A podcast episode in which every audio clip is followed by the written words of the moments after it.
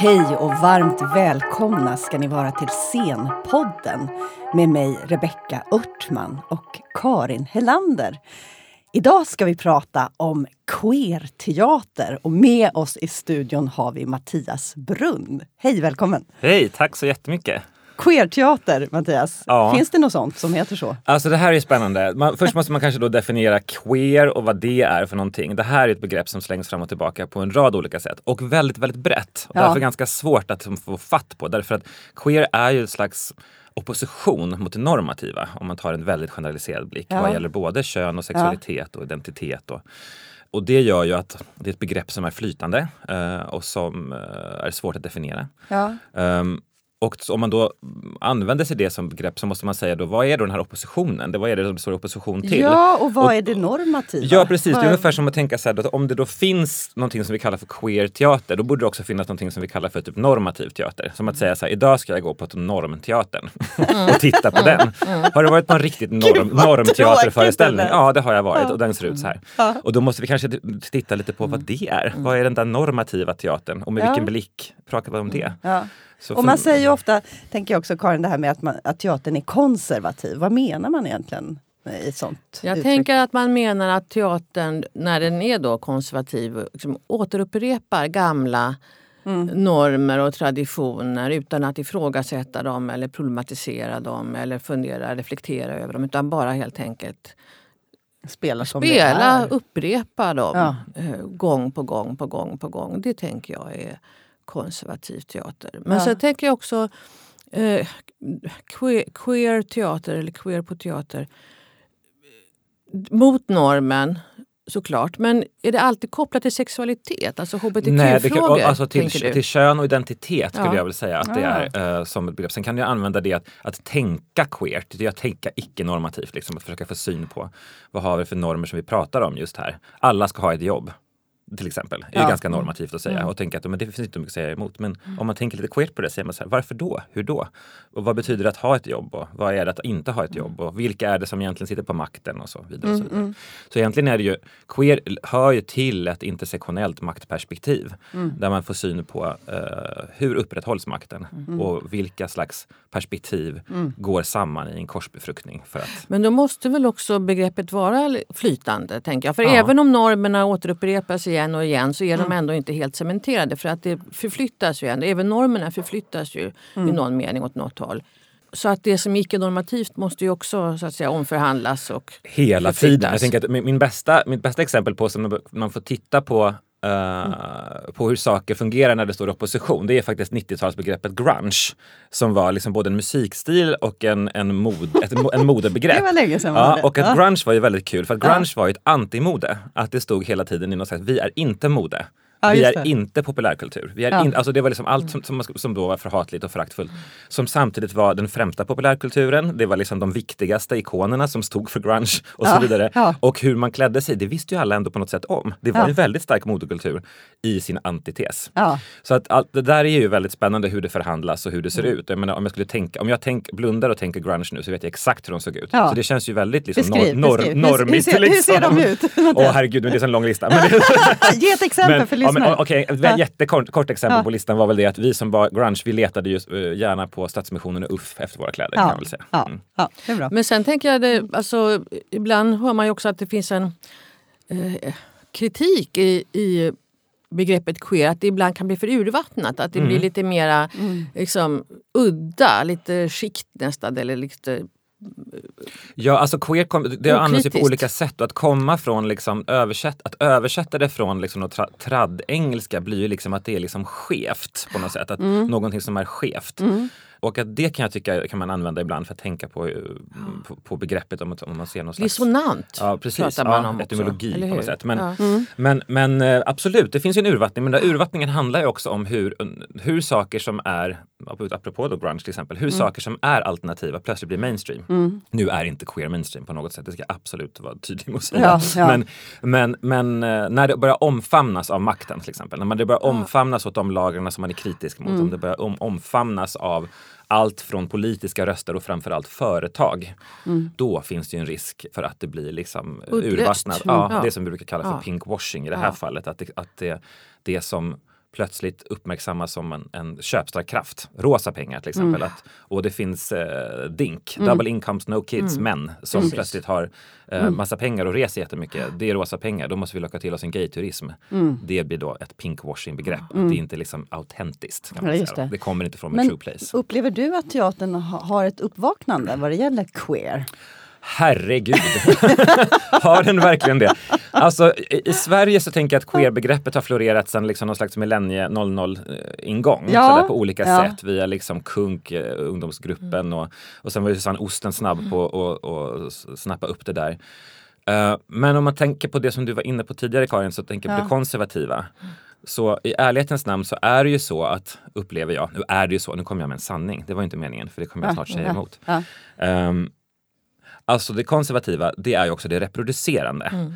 Och jag, jag, upplever att, att teatern har ju som en sällsam liten art av konst eh, en hänfallenhet och att, att reproducera. Mm. Och att göra det om och om, om igen. Liksom. Mm. Uh, och gärna uh, reproducera på ett sätt som liksom ibland är supermedvetet och ibland omedvetet. Men där klassiker är en ingång till exempel. att om vi ska spela de här klassikerna, hur ska vi göra det? Vi säger att det är helt allmängiltiga historier som vi alltid kan koppla an till och så vidare. Mm. Uh, men könsrollerna är ofta jätteskeva. Uh, så även om vi försöker byta då säger vi så oh, nu spelar alla män kvinnor och vice mm. versa. Mm. Så får vi ändå syn på de väldigt cementerade könsrollerna och reproducera dem. Och att det som då kanske ska tänkt som kritik, att vi byter ut eh, de här olika könen, mm. eh, blir ändå cementerat. För vi fattar ju ändå i publiken att de har bytt ut rollerna. Ja, det är bara alltså, att har bytt. Så att säga. Precis, ja. så, så, så, vi berättar bara. ändå samma ja. berättelse helt enkelt. Ja. Det är berättelsen om att det finns ett överordnat kön, till exempel. Och det är en sån sak som är väldigt lurig att komma förbi.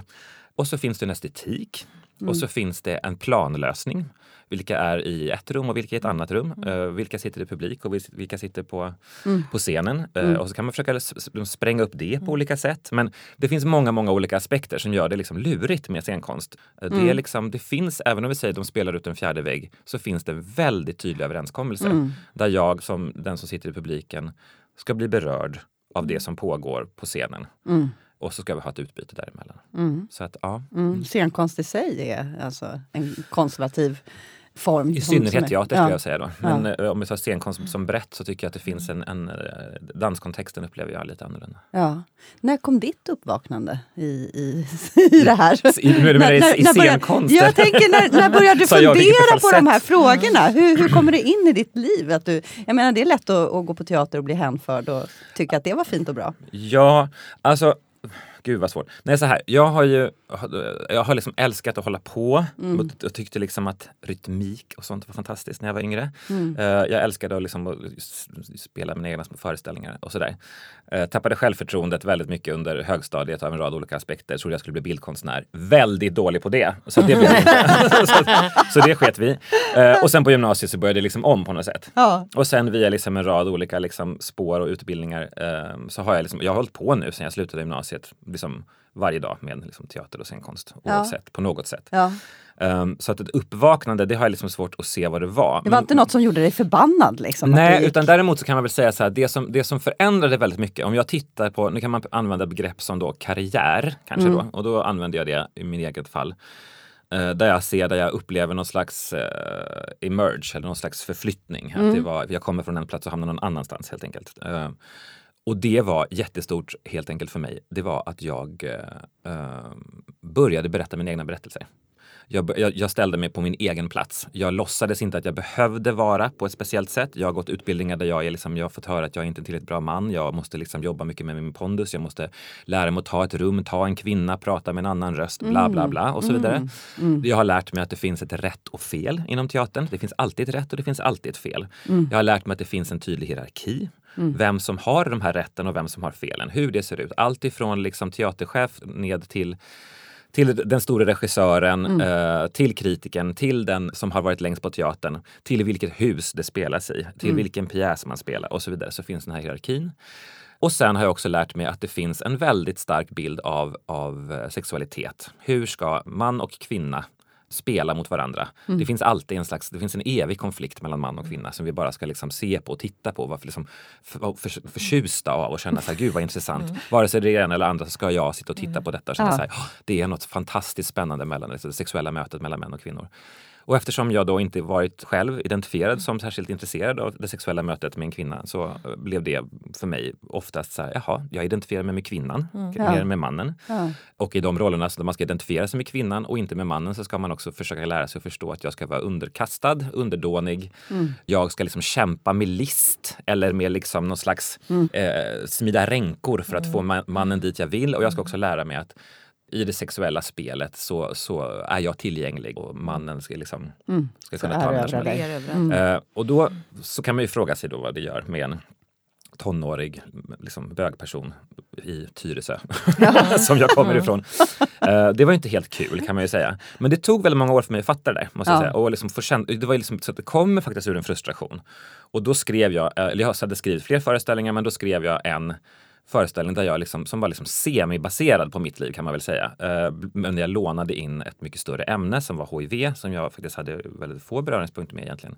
Mm. Och skrev en monolog om liksom en slags melodram kärlekshistoria mm -hmm. eh, som hette Efter Fredrik mm. och som jag eh, då gjorde på Riksteatern 2007. Eh, Jaha, så tidigt? Ja. Wow.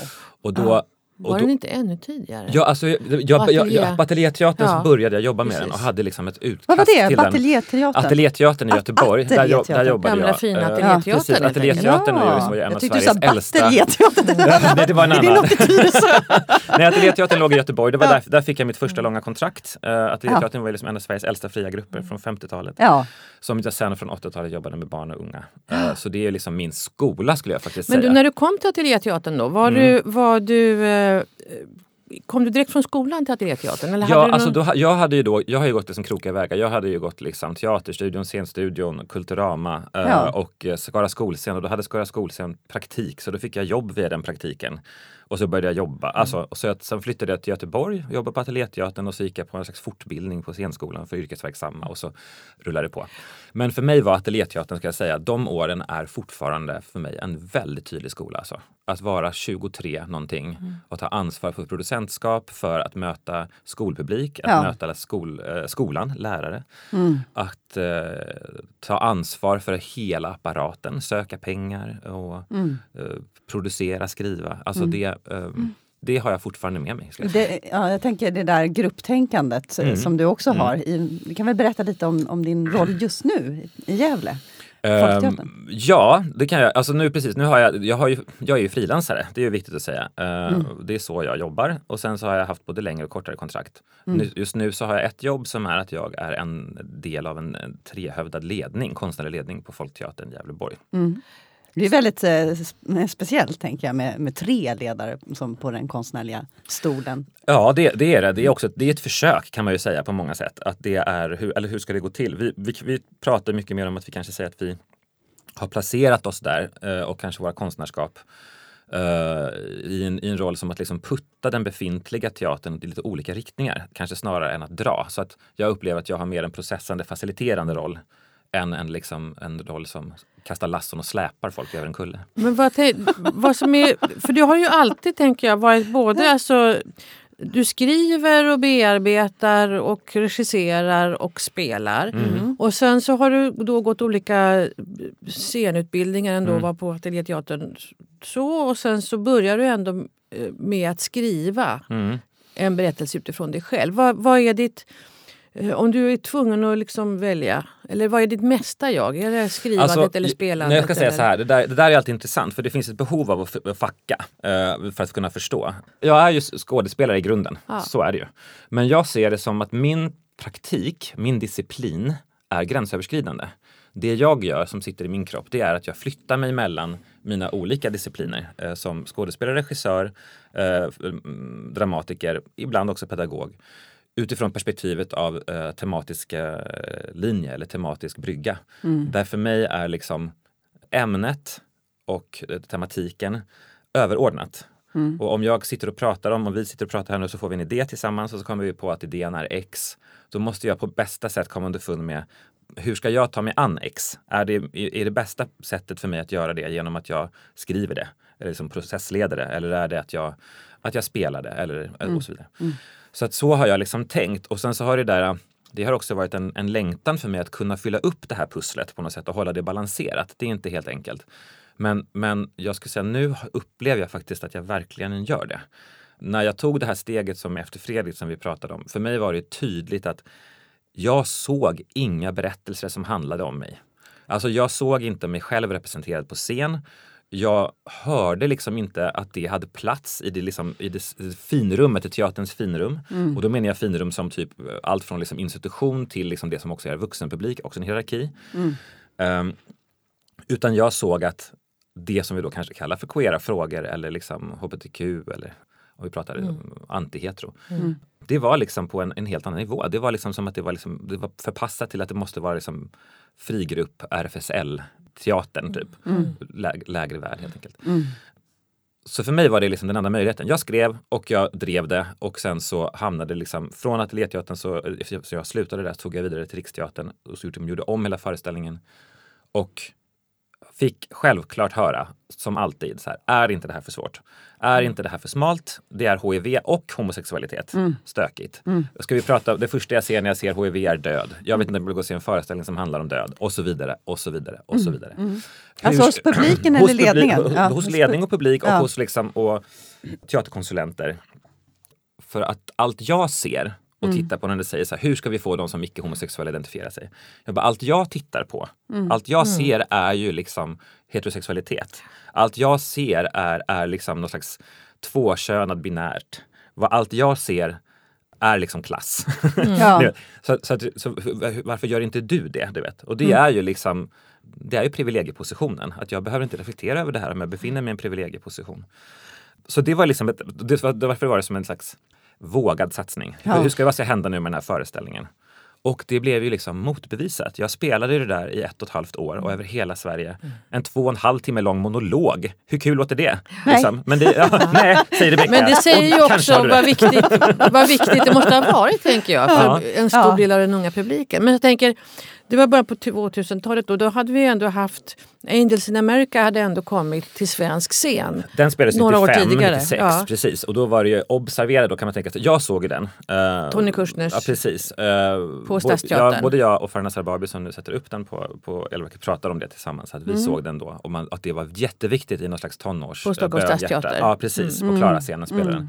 Men den var också en väldigt straight uppsättning. Det var Richard Günther som satte upp den och det var Stefan Larsson, det var Micke Nyqvist, det var Ingela Olsson. Alltså det var väldigt liksom, mm. Galeasen flytta till Stadsteatern-eran var ju det då. Mm. Att det var mycket den mm. rörelsen. Mm.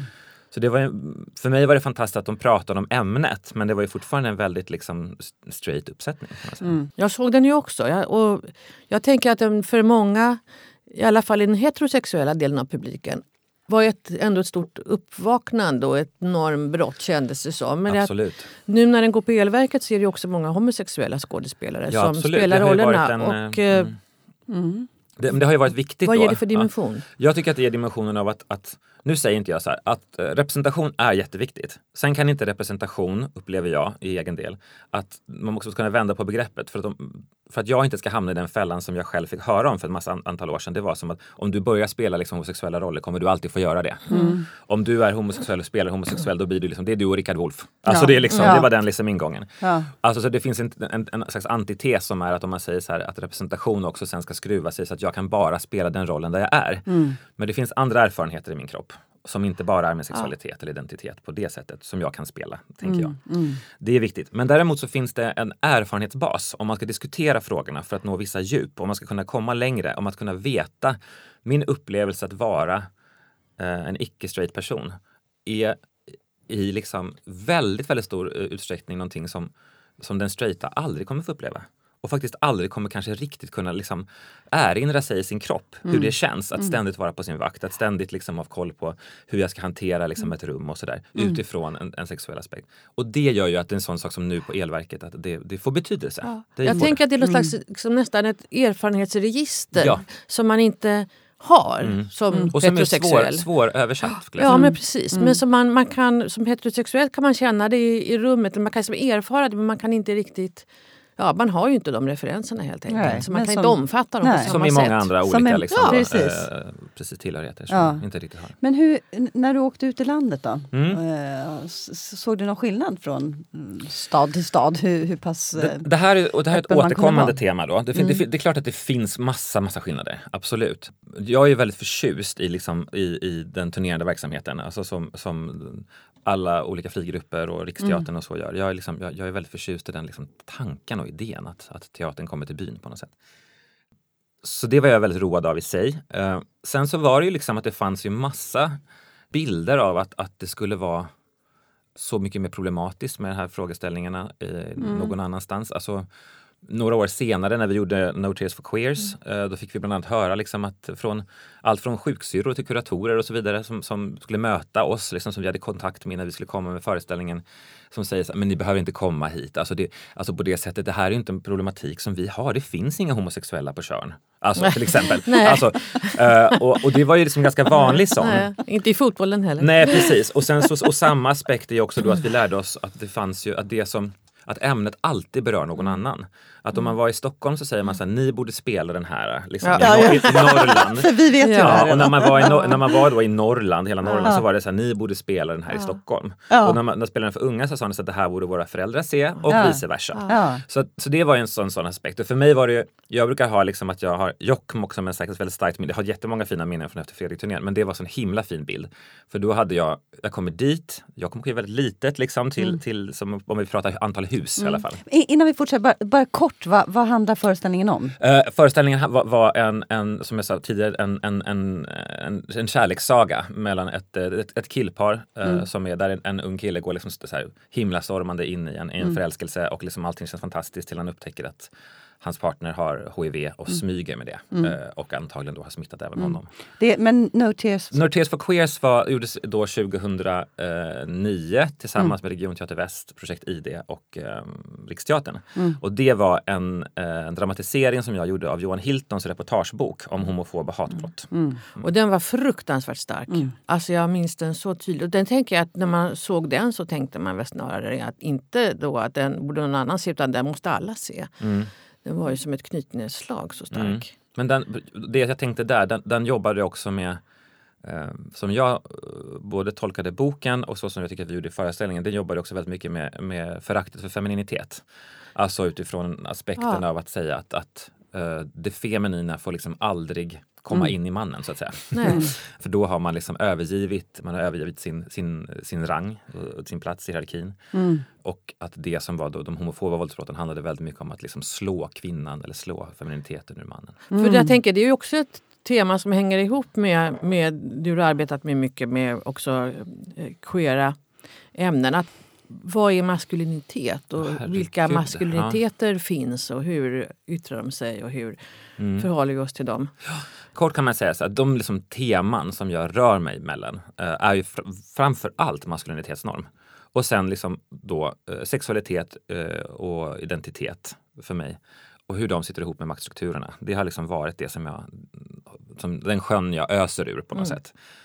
Och att prata om maskulinitetsnorm är för mig otroligt viktigt om man tittar på vad, vad den har för, om vi säger vad, vad har maskulinitetsnormer, vad ger den för effekt mm. i samhället? Mm. Och att titta på hur det ser ut procentuellt med de våldsbrott som utförs. Att titta på världen i stort. Det, det finns väl någonstans 98 procent av alla våldsbrott inklusive krig och mm. sånt startas och drivs av män och så mm. vidare. så det, mm, ja. uh, det är en ingång. Det andra är också att se på vad det gör med mannen, tänker jag då. Uh, jag är man, så jag utgår mm. ifrån den uh, och identifierar mig som det.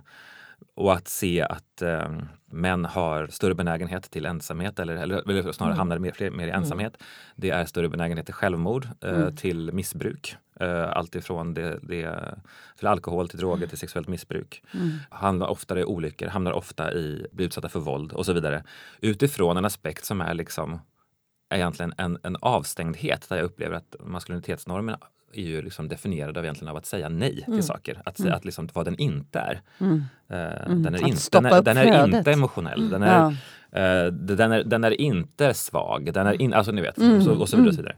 Gud vad intressant aspekt tycker jag. Att, att intet har blivit uh, en, ja, en ledstjärna och, för mannen. Också ja. otroligt deprimerande. Ja, det alltså, är det, det är verkligen, absolut. Alltså, det är en sån, vi jobbade med Män för jämställdhet både mm. under, vi hade med dem under No Tears, vi hade flera. Mm. Under, mm. jag brukar ofta knyta an till många organis olika organisationer när vi jobbar.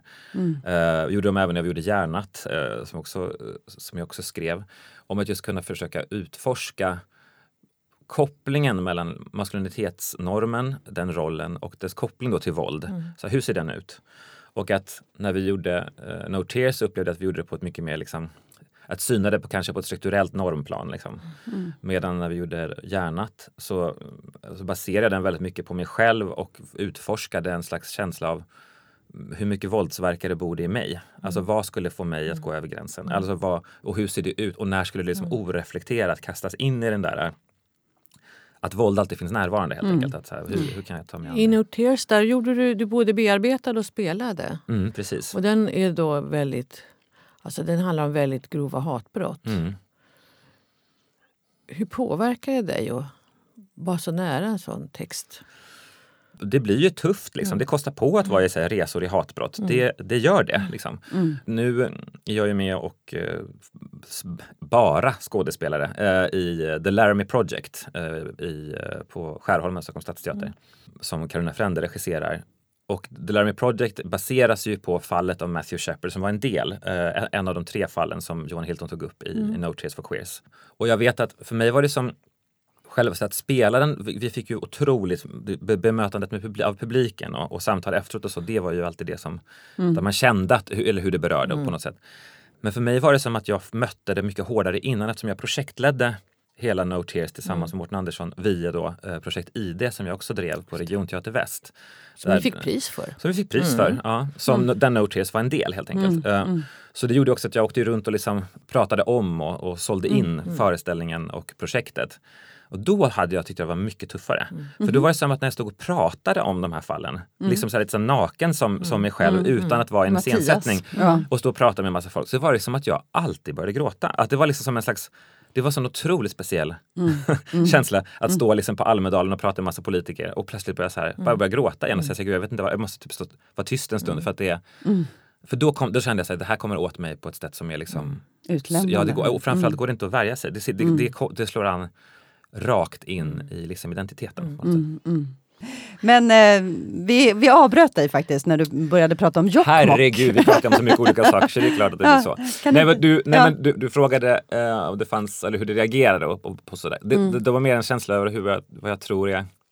För mig blir det en bild jag bär med mig helt enkelt. Och då var det att jag kommer dit, till den här platsen, det är vinter. Det var inte Jokkmokks marknad, så jag var väldigt ensam på hotellet. Kommer till teatern som är liksom, med, med de här liksom, turerande måtten ganska mm. stor. Mm. Jag möter en vaktmästare och ställer frågan, vet du hur många biljetter som är sålda? Ja, det var som fyra stycken. ja, okej. Okay. Och så står man i logen och tänker, snart ska jag du vet, springa ut på den här scenen. Ja. Och så ska jag spela två och en halv timme lång monolog för fyra personer i Jokkmokk och tänker att det kommer ju vara svettigt. Känner jag så här. Och så började den föreställningen, jag hade liksom ingen kontakt med publiken innan. Jag var verkligen så springa ut från, liksom, eller jag hade så stora videoproduktioner så det var liksom, jag var tvungen att stå bakom dem. Jag springa ut på scenen och när jag liksom gör det och vrider upp mig mot, mot, mot publiken så ser jag att det är liksom fullt. Wow. Alltså det är liksom fullsatt. Oh, det är liksom, och, det var, ja. och då var det liksom gymnasieskolan och det var massa andra som kom och det visade sig att det var folk som hade hört mig på radio för då, jag var mycket på radio då Lokalt. på turnén, ja, mm, mm. som hade kommit. Och det var liksom en helt fantastisk föreställning. Oj. Alltså det var, liksom, ja. det var så otroligt härligt och att jag kände mig liksom nästan skamsen när jag gick därifrån för att jag också projicerade min bild ja. av hur Sverige ser ut och av vem som ska bli berörd av den här historien och vem som bryr sig om den här tematiken. Mm. Och det där tänker jag att jag minns ofta det när jag, när jag får de här frågorna för jag, det är väldigt ofta så blir det så här, men det här det är någonting annorlunda med barnen som är uppvuxna i Stockholm än vad det är med... Man bara, ja, ja det, mm. det, är klart det finns massa saker som är annorlunda men vad är det vi pratar om för värden när vi säger så? Mm. Så oavsett vad jag gör nu så mm. brukar jag få den frågan mm. mm. och så måste jag liksom tänka Jokkmokk, Jokkmokk, Jokkmokk. Mm. Men det har ni ju gjort en pjäs om nästan. Jag tänker landet Landet inuti ja, gjorde vi också, precis. Uh, gud, vi kastas fram och tillbaka mellan årtionden. Ja. Mm. den är ny, den spelade Men Landet Inuti spelade vi förra Nyss. året, precis. Ja. Uh, det var det, uh, för att göra den historien uh, någon slags sammansvetsande så är det jag, Joakim Rinde och Viktor Wigert gjorde tillsammans en föreställning som heter Vårt frakt för svaghet mm. som gick på, också i Skärholmen. Mm eh, som byggde på boken av Harald Ofstad mm. med samma namn. Och när vi gjorde den så började vi... Som handlar om nazismen egentligen? Ja, egentligen som mm. handlar om mm. slags nazismens grundvalar. Typ. Eller, eller, snarare så här, är det så att det finns ett förakt för svaghet helt enkelt? Mm. Är det det som driver oss i någon mm. slags... Mm. Ja, i den andan. Um, och när vi höll på med den så pratade vi också om vad vi skulle göra sen. Och både Jocke och Viktor uh, som är uppvuxna utanför tullarna, verkligen, i mm. Jämtland och, och Medelpad, pratade om liksom resursuttaget från, från liksom storstäder som plockar det från, från landsbygden. Och så sa vi, vad händer om vi sätter det liksom i en kropp eller en gestalt? Vad är det för uttag vi pratar om? Och då började vi prata om just den här rörelsen, om, om att vara uppvuxen icke-heterosexuell på landsbygden, eller queer använder vi som begrepp för mm. att kunna vara bredare då och ständigt höra berättelsen om att du måste flytta. Att, vad gör det med folk? Och vad händer? Är det så att alla måste flytta till storstan för att bli lyckad? Eller liksom att gräset är grönare? Vad hände med de som flyttade och vad hände med de som stannade kvar? Mm. Så då åkte vi runt eh, i hela landet och eh, hade liksom träffar och möten med eh, människor som, som bodde kvar framförallt och några som hade återvänt också till sina orter helt mm. enkelt och pratade om deras resa. Och sen gjorde vi en föreställning på det som heter Landet inuti som turnerade nu med, med Riksteatern och Folkteatern Gävleborg förra året, det vill säga 2016. 17! Mm, Herregud! Ja. Livet. Vi är 18 nu. Ja. Men det var då liksom homo, bi och transsexuella ja, personer? Precis, precis, som vi samlade in. Och Mårten Andersson då, som jag tidigare jobbat med de andra produktionerna mm. på Riksteatern klev också in i produktionen. Och då gjorde vi ett sånt, apropå andra aspekter av hur jag jobbar, så att prata om norm. Den, den, den traditionella hierarkin av hur, hur är texten överordnad materialet och så vidare. Mm. Eller mm har regissörens vision en större kraft än skådespelarnas. Så att då jobbade vi väldigt kollektivt. Vi var helt enkelt fyra personer plus då vår scenograf Charlotta Nylund och eh, vår dramaturg Nina Tersman som tillsammans eh, tog sig an det här ämnet och bara var så här, hur ska vi göra det? Hur ska vi liksom sätta upp det? Vad kan det bli? Och eh, som alltid när man gör de här väldigt kollektiva processerna så var det ju liksom, det växte ju till, en, till ett monster.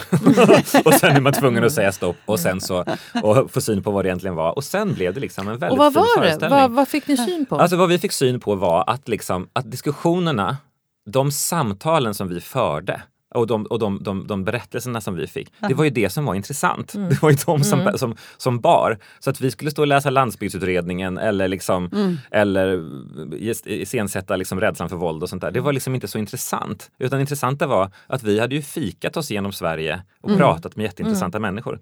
Så föreställningen liksom slutade i att vi faktiskt satt i, liksom, i en slags hästskoform eh, tillsammans med publiken och fikade oss genom Sverige mm. kan man väl säga. Så blev föreställningen. Just det. Och hur, vilka berättelser fick ni? Alltså det var ju alltså det var helt fantastiska berättelser som vi fick. Uh, vi fick en väldigt, väldigt spännande liksom, diskussion om då, som vi pratade om innan, om det queera begreppet när vi var i, i Kiruna kring att vara queer i Kiruna, hur det ser ut och med, med liksom väldigt uh, skarpa maktanalyser mm. till personen som, som uh, bygger, jet, eller bygger sparkar med jetmotorer och åker i tävlingar över isar. Mm. Mm. till till de som de flyttar och får skam över att flytta och flyttar sen hem igen för tror att, att skammen handlar om att flytta hem men snarare var skammen att flytta mm. och, så, och så vidare. Och sen framförallt att, att det här att vara liksom då bögen på orten som det var mycket. Mm. Att se att det inte alls var så svart som Nej. man kanske skulle kunna hitta på i någon slags mm. eh, gräset grönare dramaturgi utan snarare tvärtom. Utan så här, men gud, alla vet vem jag är, jag mår jättebra, vi bor här och jag har varit här jämt. Och, mm. eller, vet, och, mm. Så att det var en väldigt, eh, det var liksom en väldigt varm eh, resa och mm. varm turné. kan man säga. Mm. Det var så mycket kärlek som vi fick för den föreställningen. Det låter som, när du berättar om ditt arbete, att du både då regisserar och skriver men också att samtalet är så centralt för egentligen alla produktioner mm. som du gör. Mm. Hur, hur pass mycket 50-50 är de här?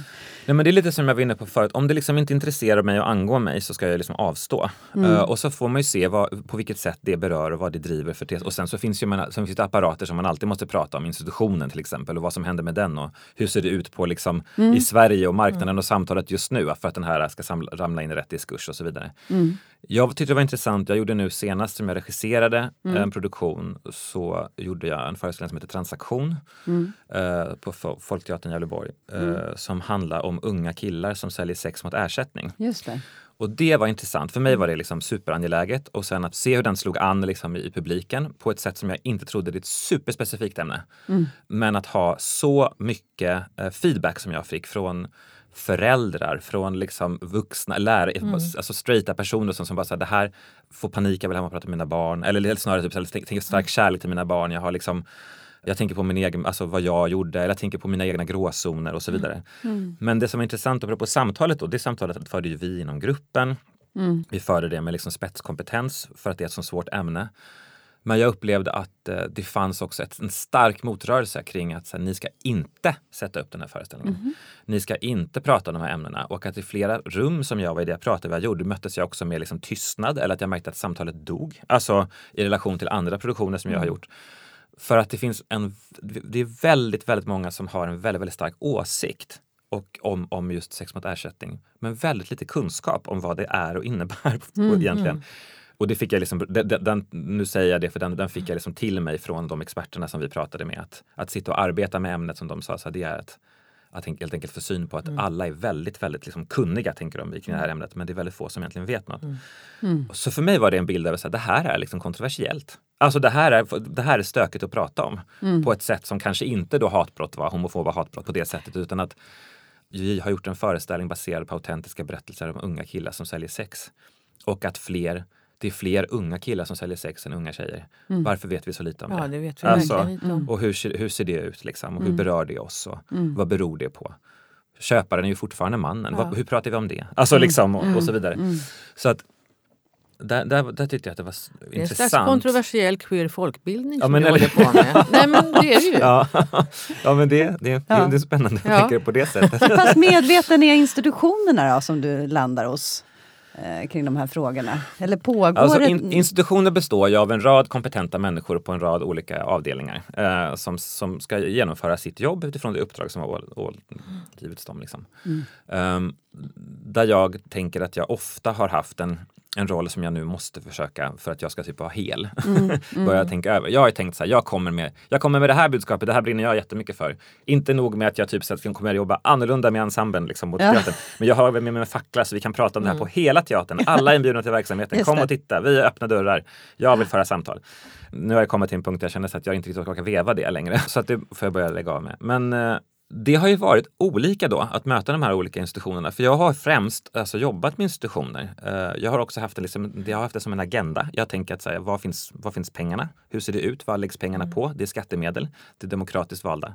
Där jag känner så här, där ska den rösten finnas. Mm. Och det är ju liksom, bemöts ju självklart på olika sätt då, hur, hur man vill få ut och hur man, framförallt kanske hur man vill formatera det. För mm. att just den här, vi har ju liksom nu, tycker jag generellt, en, en känsla kring uh, kring teatern som en slags att vi, vi att det är som att vi liksom har pratat om det på samma sätt i flera år, att man som klöser på väggarna lite och lite så här, gud vi måste liksom kämpa oss upp ur den här brunnen för att kunna säga så att teater är jätteviktigt och alla måste se, vi måste kämpa för vår överlevnad. Uh, och så tänker jag, är det verkligen det vi ska göra? på det sättet, mm, är det så mm, det ser ut? Mm. Ska vi ha den approachen? Liksom? Mm. Ska vi hela tiden titta på andra branscher och känna, känna oss oroliga för att de ligger på ett annat, på ett mm. annat segment? Mm. Och, då, och då tänker jag, då får vi ofta så här, hur gör vi det här allmängiltigt? Hur gör vi den här queera kontexten, det här som du mm. driver då, säger de till mig. Hur gör vi det allmängiltigt? Hur gör vi, herregud, då gör vi sex mot, mm. sex mot ersättning allmängiltigt. Och då hävdar jag med bestämdhet, min käpphäst, att det, det specifika mm. blir allmänt, mm. säger jag. Mm. Mm. ja. Ju mer specifik jag är, desto mer tydligt är det vad jag kommunicerar och desto mer, mer, desto mer tydligt blir agendan. Och då kan vi, det, då kan vi liksom titta på det, det blir brechtianskt nästan. Men du har ju varit oerhört konsekvent egentligen, tänker jag, i att arbeta med de ämnen som du brinner för att göra det, både med att skriva och spela och regissera på olika scener. Men finns det Finns det scener eller grupper? Du nämnde Kunk som mm. var i början med Pelle mm. Haneus va? som startade det i början på 2000-talet någon gång. Men finns det sådana grupper? Du kan ju säga någonting om Kunk kanske? Nej, men jag kan säga så här. Att det finns, jag kan säga att jag eh, tillsammans med, på uppdrag från Carolina Frände, som då var prorektor på scenskolan, eller Teaterhögskolan i Stockholm, eh, som nu ligger under SKH. Mm. Tillsammans med Nadja Hjorton Eh, och Gunilla Edemo så gjorde vi något som heter normkritisk gestaltning på, på Teaterhögskolan i Stockholm i tre år. Där vi försökte titta på begreppet, det som jag faktiskt egentligen själv då upplevde eh, som tonåring. Att mitt tillträde till, till den akademiska utbildningen mm. eller till scenskolan och så var liksom en alldeles för, för hög och märklig tröskel. För då var jag tvungen att bli den där mannen först för att kunna komma in och så vidare. Och fick också höra det som sagt i scenskoleprovet att uh, jag skulle satsa på lite mer pondus och sånt där. Och då sa vi så här, vill, vill, ja men det är så. Det, det, ja, och då gjorde vi det här mellan 2008 och 2010 och då så var jag så här, hur kan vi göra liksom en utbildning för de som kan tänka sig, som både går på men som också kan tänka sig att söka till skolan och säga att de inte får plats. Så vi fick ju liksom under tre år en väldigt brokig skara av queera kids från hela Sverige mm. som kom till Stockholm och var med oss över hela sommaren mm. och jobbade med de här frågorna. Och som gjorde liksom en föreställning eh, på slutet av sommaren som spelades under Pride. Och de här är ju liksom, mm. det här är ju min stolthet kan jag säga. Det här är ju liksom Pride and Joy. De här har ju gått vidare på som en rad olika sätt. Mm. Även om det inte är genom scenkonst så har de liksom så här, mm. genom deras liksom nätverk som de skapade tillsammans mm. och så har de liksom tagit mm. frågan vidare och utvecklat den. Mm. Nu finns det dramatiker, skådespelare, regissörer som har gått den här utbildningen. Mm. De har skapat egna grupper, apropå du frågade om Kung då, då tänker jag att det finns de grupperna som, som kan finnas nu och vad de gör, liksom, hur de tar frågan vidare. Så det är ju liksom en lycka att jag exempelvis nu fick som då i rollen som konstledare kunna erbjuda ett residens på Folkteatern i Gävleborg mm. till Kvalitetsteatern med liksom där alla de som var med i Kvalitetsteatern har gått mm. hos mig som studenter. Mm. Det var ju liksom, alltså, mm. gud jag blir Dröm. rörd jag pratar om ja. ja. Men det hade ett jättegenomslag även på scenskoleutbildningen mm. äh, i Stockholm. Mm. Och superspännande att det är liksom vi fick den platsen på något sätt och, och, och, och sen upplever jag att den Sen så blev det som att den frågan, liksom, så, ah, nu har vi gjort det på något sätt, nu ska det gå vidare. Men, men den blir aktualiserad hela tiden, att det kommer tillbaka till vilka är Men den risken är väl ganska stor, ja. tänker jag. Att man, att man får ett genomslag och sen så plötsligt är alla med och sen så händer det någonting annat någon annanstans och då mm. tänker man vi har redan gjort det här, nu gör vi något annat. Men du har ju verkligen varit konsekvent, även om du har gjort liksom, mm. närmat dig ditt dina eh, ämnen från lite olika håll så har mm. du ändå varit väldigt konsekvent mm. och orkat hålla i. Mm. För mig är det liksom förståelsen. Alltså för mig, det att jag ska kunna förstå vad jag håller på med i relation till det vi pratade om innan vi pratade om den konservativa teatern. Jag känner så här, jag har liksom ingen plats där. Förstår ni vad jag menar? Att jag, har liksom inte, jag ser inte att jag kan vara en pusselbit som passar in där riktigt. Utan om jag ska fatta vad jag håller på med så måste den där konsekvensen vara där, närvarande. Jag måste liksom envetet hålla på med frågan. Mm. Hur viktig är barn och ungdomspubliken då i det arbetet? Jätteviktig. Jag, kommer just, jag upplever att jag är väldigt sprungen ur barn och ungdomspubliken. Och apropå den tidigare valda hierarkin så har det också varit ett sätt att, att få syn på teaterns mm. normer och mm. vad som finns där. Att, vara, att, att helt enkelt vara, spela för en, en, publik som själva inte valt att gå dit. Uh, spela för en publik som är liksom inte riktigt uh, inte den rätta publiken helt enkelt. Den, den, den högre konsten är eh, såklart för de som, som aktivt väljer den. Um, och sen så att se att det spelar roll, att vad, vad, vad, mm. vilka personer spelar man för, vilka platser spelar man på. Mm. Mm. Så för det, jag tycker att det genomsyrar även mitt arbete, även när jag gör för vuxna. Så har jag mm. liksom med mig barn och ungdomsperspektivet in som en slags mm. mm förståelse för mig. Och man, jag vet inte om du håller med om det, men jag ska vara, säga något väldigt generaliserande. Men så Kör tänker på. Jag, ja, nu vågar jag det. Att ibland ser liksom barnpubliken bo, samtidigt, ska jag säga, mm. oerhört genuskodad mm. konventionellt. Liksom. Mm. Samtidigt som de är helt vidöppna Precis. och kan ta in något fullständigt nytt tänker på en föreställning som du gjorde, Bilder av Pi, mm. på Skärholmen. Mm. Kan du inte berätta lite om den? Bilder av Pi skrevs av Emma Broström. Den handlade om eh, ett barn med intersex, eh, alltså som, som föds utan tydlig könstillhörighet. Och gjorde sin slags nästan som en deckarsaga i olika tablåer. Där det liksom var, man följde Pi Mm. Genom liksom, visste aldrig vem det var. Mm. Det var liksom aldrig en som spelade Pi. Man kunde lista ut att det kanske fanns en Pi i rummet. Mm. Men som, då, som gick från liksom födsel i någon slags märklig framtidsfabrik där alla föds på löpande mm. band till liksom vuxen genom olika stadier. Och det var typiskt en sån, när alla sa så här, det här mm. kan inte spela för barn, det här kommer inte gå. Hur ska vi kunna göra det här? För att lärarna eller pedagogerna själva inte visste hur man skulle prata om det det var så kul. Mm. Dels var det liksom en, väldigt, liksom, det var liksom en vemodig liten pärla tyckte jag att det där var.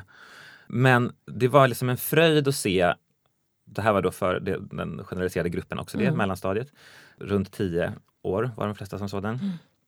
Men att se liksom publiken sen efteråt springa omkring och ropa så det är jag som är Pi. Ja, jag är Pi. Väldigt kul. Och att det hamnade på en beröringspunkt tror jag som var att se Ja, men att se sig själv som att vara den udda i rummet. Ja, mm. och det tyckte jag var fascinerande. För jag såg den ju, vi hade också, både jag och Elinor Lidén som är doktorand i teatervetenskap, gjorde intervjuer med, med barnpubliken på den.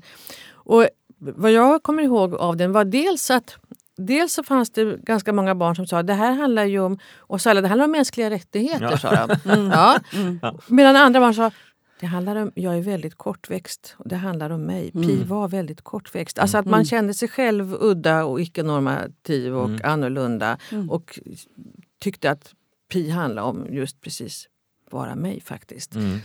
Mm. Det var ett otrolig spännvidd där. Mm. Men det är ju spännande. Men jag tänker att det som har varit, det som har varit jätteviktigt också med eh, dels barn och ungdomspubliken men sen hålla på med det här ämnet är att också så att, att ständigt kavla upp armarna och gräva. Det, är liksom, det säger jag hela tiden. Jag vet inte hur jag, hur jag skapar en föreställning brukar jag säga när jag ska börja regissera. Jag har ingen aning hur det ska gå till. liksom. ja. uh, och lite samma sätt hur man får syn på ämnet och hur den där liksom kan vara som en tvålkopp och halka iväg. Att vissa saker som jag tänker så här, det kommer vara på det här sättet absolut. Liksom. Ja jag hittade en gammal Sara Leander-låt, de hette så här, Matroser och hoj som vi skulle ha i transaktionen, där det verkligen sjunger om, liksom, verkligen sjunger om typ så här, hej jag är en hora och det här är vad jag får. Alltså den är så konstig. Och tänkte, den här ska med. Det var en helt fruktansvärd scen, det gick ju aldrig. Och så, och så förändrades man liksom, man på att kasta bort alla saker. Eller som när vi gjorde läroplanen också i Skärholmen, jag var liksom mm. så påläst, jag hade så mycket på fötterna kring skolan. Och sen så ju mer vi träffade våran målgrupp så bara kände så här, men det här är inte relevant för dem. När jag frågar dem så här, vad är, när jag pratar om skolan och de skulle prata om skolan så pratar de om fröken och så pratar de om liksom kompisar och relationer. Att det var bara relationella bygget. Så att det är som månader av förberedelse, såklart att det fanns med på ett sätt. Men när jag kände så här, jag ska bygga det här liksom, verket. Det fick vi liksom två veckor innan premiär för att det här det finns inte här. Nej, det, det, det är liksom inte, är inte spännande. Och, det var inte heller spännande att bygga föreställningen på. Hur, Så, ja. Jag ska bara fråga, framtiden då? Tror du att eh, vi kommer säga queerteater eller eh, är det ett begrepp som kommer eh, men det kommer vissa, normativt? Ja, men nej, men alltså, det kanske det blir. Men det kommer, jag tänker ändå att det kommer säkert kunna göra det för att vi behöver ju sätt att definiera. Alltså, vi håller ju på med en massa definitioner som är flera tusentals år gamla. Alltså, jag menar, vi, det är klart att vi behöver mm. definitioner och begrepp för att kunna mm. orientera oss. Sen får man ju se vad de där begreppen är laddade med. Mm. Det är väl en, kanske en, en, en framtidsspaning som är svårare att säga. Men, men om man tittar på den publiken, om vi tittar på den unga publiken och så medvetenheten om frågorna så tänker jag att det är klart att det har en jättestor betydelse att mitt brorsbarn kommer och, och har prov i liksom sjätte klass på liksom hela hbtqi-linjens frågeställningar. Ja. Och så, alltså, det hade ju aldrig jag. Nej. Nej. Och samtidigt finns det ju mycket kvar tänker jag. För att det är ju inte alltid heller som Eh, och det gäller ju inte bara hbtq eller queer-teaterfrågor men det är inte alltid ungdomspubliken eller unga vuxna-publiken riktigt är med. Jag tänker, Nej. du måste också ha ett mothåll ibland, tänker mm. jag, ute och spela med, jag tänker killar som inte vill ha bögteater. Ja, och tjejer som inte vill ha bögteater. Ja. Alltså, ja men så är det ju. Det jag var med, jag hade en incident här för eh, något år sedan när vi satte upp Männen med rosa triangel, eh, som jag också skrev. Som Eh, vad då, det handlar om, om de homosexuella under Förintelsen eh, baserat på Heinz Hegers bok. Det finns ju väldigt få dokument om, från den här tiden så att det här är liksom en av de få dokumenten. Eh, och vi gjorde en väldigt färgsprakande föreställning till, som en kontrastering till den här liksom, te, hårda texten. Mycket glitter, rosa. Väl, mycket mm. glitter och mycket liksom, alltså se, se glitter och liksom se glitter som aktivism, se det som en rustning, se det som fantasi och eskapism att det som de, alla som överlevde pratar ju bara om liksom idén om hoppet mm. och att hoppet var förklätt i dröm. Liksom. Mm. Fantasin om vad som inte var lera och taggtråd och liksom mm. randiga pyjamaskostymer. Mm. Så att Mm, det var viktigt för oss då. Men då var det sista föreställningen vi skulle göra, så skulle vi spela en, en, en dagföreställning. Eh, då var vi i Eslöv och eh, det liksom börjar, alltså vi hör det innan vi går in på scen så hör man liksom hur alltså publiken till stora delar underkänner att ens vara där. menar, det är en ganska jobbig start oftast när man vet att man ska spela publik eller spela en föreställning. Vi kommer in och det tar ungefär liksom, mm, två, tre sekunder så vi också klär av oss. Och att då börjar liksom kommentarerna om våra kroppar, hur de såg ut. Mm. Uh, och, sen så, och sen så våra blickar, så fort det liksom kunde kodas någon slags bög en gång så började det liksom kräkljud och så började det ropas bögjävel och sådana saker. Mm. Och då fick vi, och då tänkte jag så här, det här har jag gjort tusen gånger förut, så det är ingen fara. Jag bryter föreställningen och säger att vi hör er, vi ser er. Och då brukar det liksom räcka oftast. Att man säger mm. så nu har vi sett er, ni är där borta, så här, vi spelar den här föreställningen, så här, vi måste fortsätta. Det, nu har vi, är vi överens om hur, hur transaktionen ser ut i det här rummet. Mm. Vi fortsätter spela. Det fortsätter. Så då får jag bryta en gång till Uh, och då började de liksom svara mig mm. liksom, i rummet. Den här gruppen, det var inte alls hela publiken, men den här gruppen. Redan då vet jag lite så här, av erfarenhet, så här, här är slaget lite förlorat. Mm. Alltså det är liksom, om det kommit så här långt så är det liksom lite förlorat i det här mm. rummet. För att nu, vi måste i princip starta om hela föreställningen för att kunna hämta hem och de måste gå med på överenskommelsen och det gör de ju inte. Men vi testade i alla fall och då fortsatte de och då började liksom publiken protestera. Så ja. då blir det liksom så att mm. publik protesterar mot publik och då fick vi bryta föreställningen. Det ja. gick liksom inte. Nej.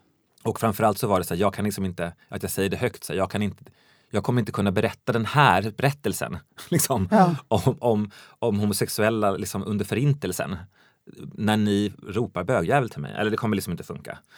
Um, men det gick inte hem. Så då bröt vi den där och det var ju väldigt sorgligt på ett sätt. Och det var snopet mm. framförallt för det var vår sista föreställning. Och sen åkte vi åt olika håll. Det var Bibu i Lund och barn och mm. ungdomsbiennalen så jag, och jag satt i juryn då så jag skulle åka dit. Mm. Och när jag sätter mig på tåget då ringer då Riksteaterns eh, konstnärliga chef Måns Lagerlöf och frågar och säger så här, ja, vi är väldigt upprörda här på teatern vad som hänt. Och min instinktiva tanke är så här, alla är så arga för att vi har brutit. Mm, ja, att det är det som har ställt in en föreställning.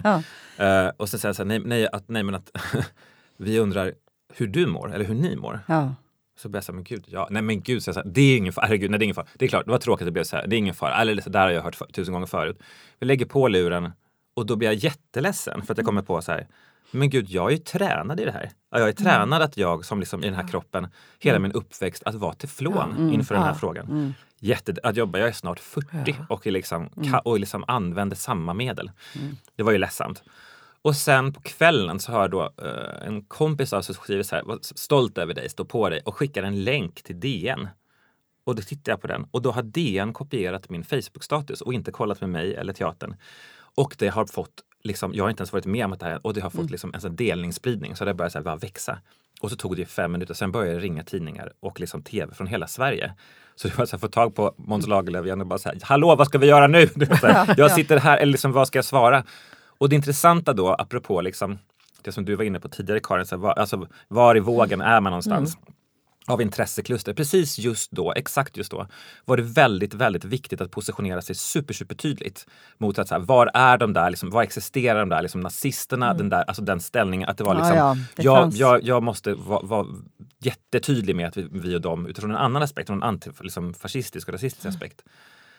Så att jag hade liksom allt på min, både privata mejl på min telefon, på Facebook, så här, från människor som ville dels ville få barnen i Eslöv att, vara, att säga att de är nazister. Såhär. Mm. Man bara, nej stopp, såhär. vänta nu, hur vet, ja, det här kan vi inte prata om på det sättet. Uh, mm. Att liksom få hela Skåne som till, liksom, så här, till mm. rasist och nazistland. uh, och ungdomspubliken till ja, rasister och nazister ja. generellt också. Det var liksom ena falangen, också stötta mig i det. Och andra falangen var att det var folk som hörde av sig. Så här, vad var det för nationalitet på de som bröt? Ja. Så här, vilka var det? Så här, och så skulle de hålla på att höra av sig. Det var så sjukt att bara se så här, jag, bara, jag bröt en föreställning. Alltså det, det har inte mm. hänt jättemycket mer än så. Och jag kände då ganska mycket som att det som gjorde mig, det som jag pratade med, det som gjorde mig väldigt, väldigt ledsen. Mm. Det blev liksom lite fråntaget mig i någon slags, i den här, behovet av att positionera sig. Och då fick jag liksom syn på vår bransch. Ah. Och att då också vara i Helsingborg på Bibel med bara branschfolk. Jag ville typ gömma mig ja. på mitt hotellrum. Alltså det var liksom, mm. Alla skulle ställa frågan. Och så jättefint att de ville stötta mig men också utifrån perspektivet av... Mm. Men så där känner jag, alltså det tänker jag... Det har fel. Ja, jag tänker det, alltså så ser det ju rätt ofta ut nu mm. tycker jag. Med incidenter eller händelser. Mm. Så svors är det bara och sen mm. så sätter det igång. Mm. På något sätt. Men du, jag tänkte på själva uh, uppsättningen Männen med rosa triangel. Visst fick du också, eller fick ni också en del att det uppfattades ganska provokativt också det här med med glittret? Eftersom det ja, var en förintelsepjäs. Alltså, generellt kan man säga så här att det var, uh, na, vi hade, det, var, det var faktiskt att vi hade två, vi hade två kritiker. Båda Stockholmsbundna kan man också vara viktigt att säga uh, i den här aspekten som, som liksom uppfattade det som provokativt. Och kanske också utifrån ett slags, alltså en, en provokation som handlar om så här, åh, varför ska, varför ska liksom hbtq alltid klä sig i glitter? Uh, och då, för mig finns det, där kan finnas... Typ pride-estetik? Precis, och, då och det där har jag hört till leda, att det är så här, att jag går inte i pride-tåget eller snarare så här, varför ska man se ut på det där sättet? Man bara, ett, alla ser inte ut på det sättet om du tittar på ett pride-tåg till att börja med. Och vilket sätt är det vi pratar om? Ja. Och varför är du så föraktfull mot det? Mm. Det är väl jättekul om folk har på sig vingar och glitter. Alltså, mm. du vet, eller vad, det är ju också att, då, att missa, för mig var att missa lite den, för egentligen kan man dra det jättelångt till en så superenkel. Om vi säger så här, kan vi åtminstone kosta på oss att vi ser en kontrastering? Ja. kan vi kan åtminstone kosta på oss att säga så här, här borta är det liksom, här borta är en, en estetik som vi kan. Mm. Vi vet att det är liksom att det är taggtrådsstängsel mm. och lera och liksom fruktansvärt och löss. Mm. mm. Den är vi, vi har historiserat mm. den bilden. Vi kan den så väl så att vi kan mm. liksom blunda och se den framför oss. Och så, så här, va, det, det, apropå reproduktion, det, var så, det kan vi inte riktigt reproducera. Mm. Utan att göra någonting som fantasiassociativt. Hur skulle det se ut? Liksom? Och folk såg ju fortfarande att vi var i det där lägret. Mm. För man har den bilden liksom. Mm. Vi fick en fantastiskt fin eh, analys eh, från en recensent när vi var i Umeå som just fick syn på det här, alltså pratade om, så här, om glitter som aktivism. Mm. Det, går liksom, det går inte, kan, kan inte komma bort från det i ett rum på något sätt. Att mm. det liksom plötsligt är någonting som skiner och som mm. syns och som liksom tar plats och fokus från frågan eller drar liksom ögonen till sig. Mm. Det var intressant tycker jag. Mm. Men det var väldigt intressant att, att just att se så här, det finns också ett rätt och fel hur vi ska göra det Förintelseföreställningen mm. och varför ska bögar alltid klä sig i glitter? Mm. mm. Och sen var det liksom, det var inte som att vi hade en pride-estetik med små glittriga kalsonger och, och liksom änglavingar. Om man nu pratar om det. Utan det var ju en, en ganska liksom komplicerad liksom, bild. Ja, just det. som vi hade på oss. Men, men eh, det var intressant att det som inte ens kostar på sig analysen utan säga så här, varför ska det vara glitter och glam om det är bög? Måste det vara det? Ja. Jag tänker bara, eh, snabb tanke, andra inspiratörer. Du nämnde tidigt Susanne Osten och det, det allra viktigaste. Mm. Var det Ja, det var, en uppsättning som Ja, det var ju tog. spännande utifrån, alltså, det var ju spännande utifrån att det fanns, då, var jag, då hade jag ju lämnat liksom Stockholm när det där hände, så då, då var jag, befann jag mig på en annan plats. Jag har ju hamnat liksom i att jag tittar väldigt mycket på, dels har jag tittat mycket på dans, men sen också väldigt mycket på, på bildkonst, eller, mm. eller kanske alltså, vi pratar om de fria mm. konsterna för att skapa liksom annan slags associativa bilder. Vad jag kan liksom gå igång på och tycka, tycka är intressant. Liksom. Det finns en rad mm. jätteintressanta regissörer och så i Sverige eh, och så som, som man verkligen kan följa och titta på och bli inspirerad av. För min egen del så har det varit som att där har jag liksom kunnat ta det lite mer lugnt helt mm. enkelt i, i, min inspiration. Mm. Nästa sak jag ska regissera kommer till hösten och då tänker jag jättemycket på att titta på Exempelvis Sharon Ayal, koreografen som senast var här på Stockholmsoperan. Titta på den sortens mm. estetik som mm. jag tycker är superintressant. Mm. Jag lever med en koreograf, som jag, liksom, att jag, det är klart att jag mm. tittar på dans liksom där. Jag jobbar jättemycket ihop med koreografer. Mm. Ja, det finns väldigt mycket spännande mm. konst helt enkelt som, jag, som, som inspirerar mig. Som öppnar upp våra ja. världar. Och att sen då tillsammans med det, det flödet av information och det, det, det, den samhällsdiskurs som finns och med de intressanta tänkarna eller liksom vad som skrivs, eh, både liksom litterärt eller kanske i journalistik. Mm. Att se flödet i det och sätta det samman. Liksom. Så att, ja, där, där befinner jag mig. Du har mycket kvar att göra. Ja, det ska jag hoppas att, hoppas att jag hör. Absolut! Tack Mattias Brunn för att du kom hit och pratade om queer Tack fantastiska teater. Ni. Ja, ja. underbart! Eh, och tack Karin också. Vi är tillbaka igen om ett par veckor, då med en ny spännande gäst och ett nytt tema. Missa inte det!